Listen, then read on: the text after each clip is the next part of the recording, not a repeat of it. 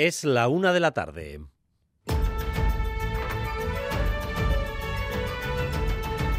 Crónica de Euskadi con Dani Álvarez.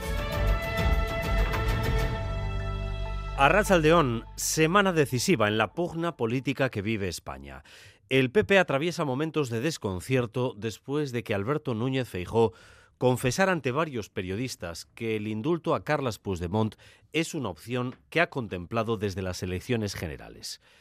El PP, que ha organizado más de 300 manifestaciones contra la amnistía y que ha hecho de ello el principal motor de su acción política, intenta ahora mismo salir del paso en un momento además nefasto para haber realizado semejante confesión porque queda menos de una semana para que se vote en Galicia.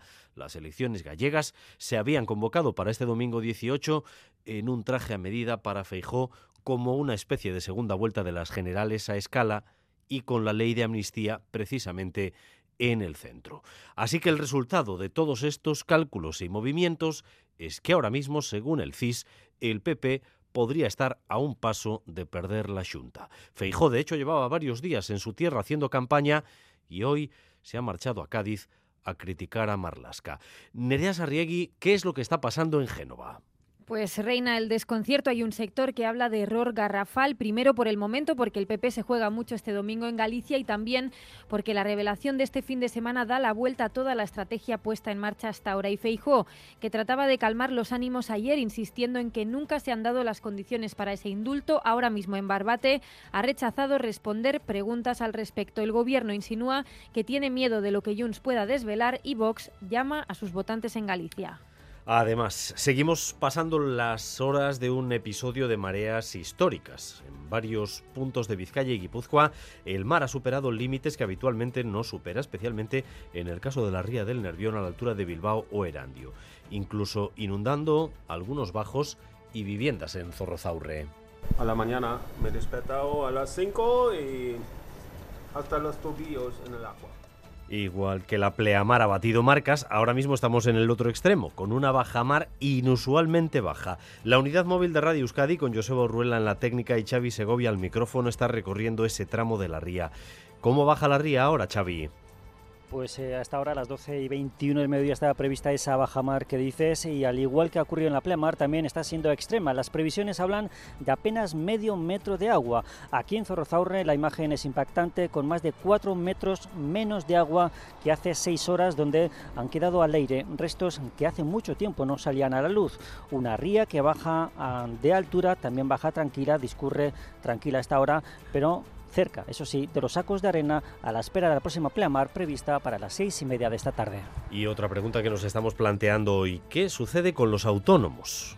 Es una entrega de EITB Data centrada en esta categoría profesional. Los datos nos dicen que cada vez hay menos trabajadores por cuenta propia. En Euskadi además tenemos una tasa muy baja de emprendimiento, lejos de la media europea y con muy pocos jóvenes animándose a montar su propio negocio. Rodrigo Manero. Sí, hace 10 años el, 19% de los trabajadores eran por cuenta propia en Euskadi, hoy son un 16. En Navarra han pasado de un 17 a un 14 y lo mismo ocurre en el conjunto del Estado. Aunque hay mucha más gente con empleo, el peso de los autónomos cae. Comercio, hostelería, transporte y agricultura son las actividades más afectadas. Los expertos apuntan a un cambio de modelo donde las grandes empresas se están quedando con el mercado de las pequeñas y a que los jóvenes prefieren ser asalariados lo que deriva en una baja tasa de emprendimiento. Luego escuchamos a algunos de los muchos autónomos y exautónomos que se han visto muy reflejados en este ITV Data.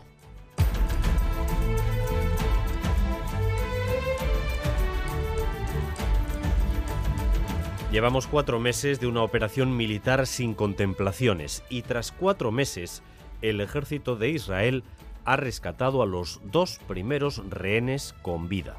La efectividad de esta operación no parece la más elevada. Eso sí, ha ido acompañada de un intenso bombardeo previo que ha costado la vida a cerca de 70 personas, según las autoridades de Gaza. Óscar Pérez. Ha sido una operación realizada por los cuerpos especiales del ejército, la policía y la marina israelíes, precedida de una ofensiva aérea con bombas cayendo sobre diferentes barrios de Rafah. Gobierno local habla de 67 muertos en estos ataques y decenas de heridos. Se repite la imagen de decenas de cuerpos metidos en bolsas, muchos de ellos niños y familiares que los lloran sin consuelo. Los dos ciudadanos liberados tienen 61 y 70 años, comparten nacionalidad argentina-israelí. Su liberación refuerza la apuesta solo militar de Netanyahu, pero preocupa mucho a la Unión Europea por su enorme cantidad de víctimas civiles. Josep Borrell ha dicho que la solución podría ser un embargo de armas a Israel. Artium Tabacalera y el Museo Bellas Artes han presentado las 27 obras que han adquirido mediante el proyecto compartido en 2023. Pertenecen a 19 artistas o colectivos en activo en nuestro país. El Departamento de Cultura del Gobierno ha destinado 200.000 euros a esta adquisición de obras conjuntas. Escuchen a la directora de Artium, Beatriz Arraez. Hay obras históricas, obras que pensamos desde la Comisión de Trabajo de esta colección compartida, que son fundamentales para entender eh, lo que ha sido el devenir de los lenguajes artísticos del contexto en, las últimas décadas, pero también hay obras eh, muy recientes, que han sido creadas pues, eh, en, en, este mismo año o en, o en el año pasado. Y vamos también con lo más destacado del deporte, con Ula Charriola Vengo, a León. A León Danio ya ha renovado Taque Cubo con la Real hasta 2029, en una semana en la que el equipo Churiordin viajará a París para afrontar el partido de ida de los octavos de final de la Champions League. El japonés decía que estaba feliz y que la victoria de ese día debe ser la noticia de esta semana y no su renovación. El Athletic cierra esta noche la jornada 24 de Liga en Almería. Los rojiblancos se enfrentarán al equipo de Gaisca Garitano, colista, con intención de sacar los tres puntos y seguir asentándose en los puestos europeos. Y doble jornada hoy en los frontones. Por un lado, campeonato de parejas esta tarde en el Beotíbar de Tolosa, el Ordi Rezusta contra Jaca y María Currena. Y en Guernica esta noche se decidirán el tercer y cuarto puesto de la competición de las Winter Series en el partido que enfrentará a Johanny López contra Olarani del Río. En cuanto al tiempo, continuamos en alerta naranja por viento, especialmente en Vizcaya y en Guipúzcoa. Estamos teniendo rachas muy fuertes que en lugares como Machichaca han alcanzado hasta los 150 kilómetros por hora. Alerta naranja por viento y aviso amarillo para la navegación con olas que pueden alcanzar a esta hora los 3 metros de altura.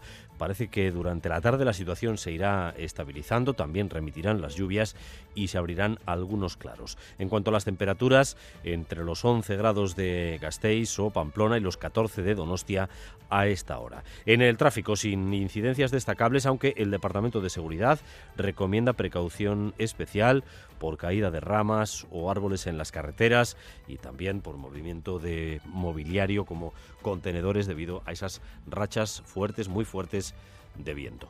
Gracias un día más por elegir Radio Euskadi y Radio Vitoria para informarse. Asier Iriarte y Bea Leal se encargan de la dirección técnica, María Cereceda de la coordinación.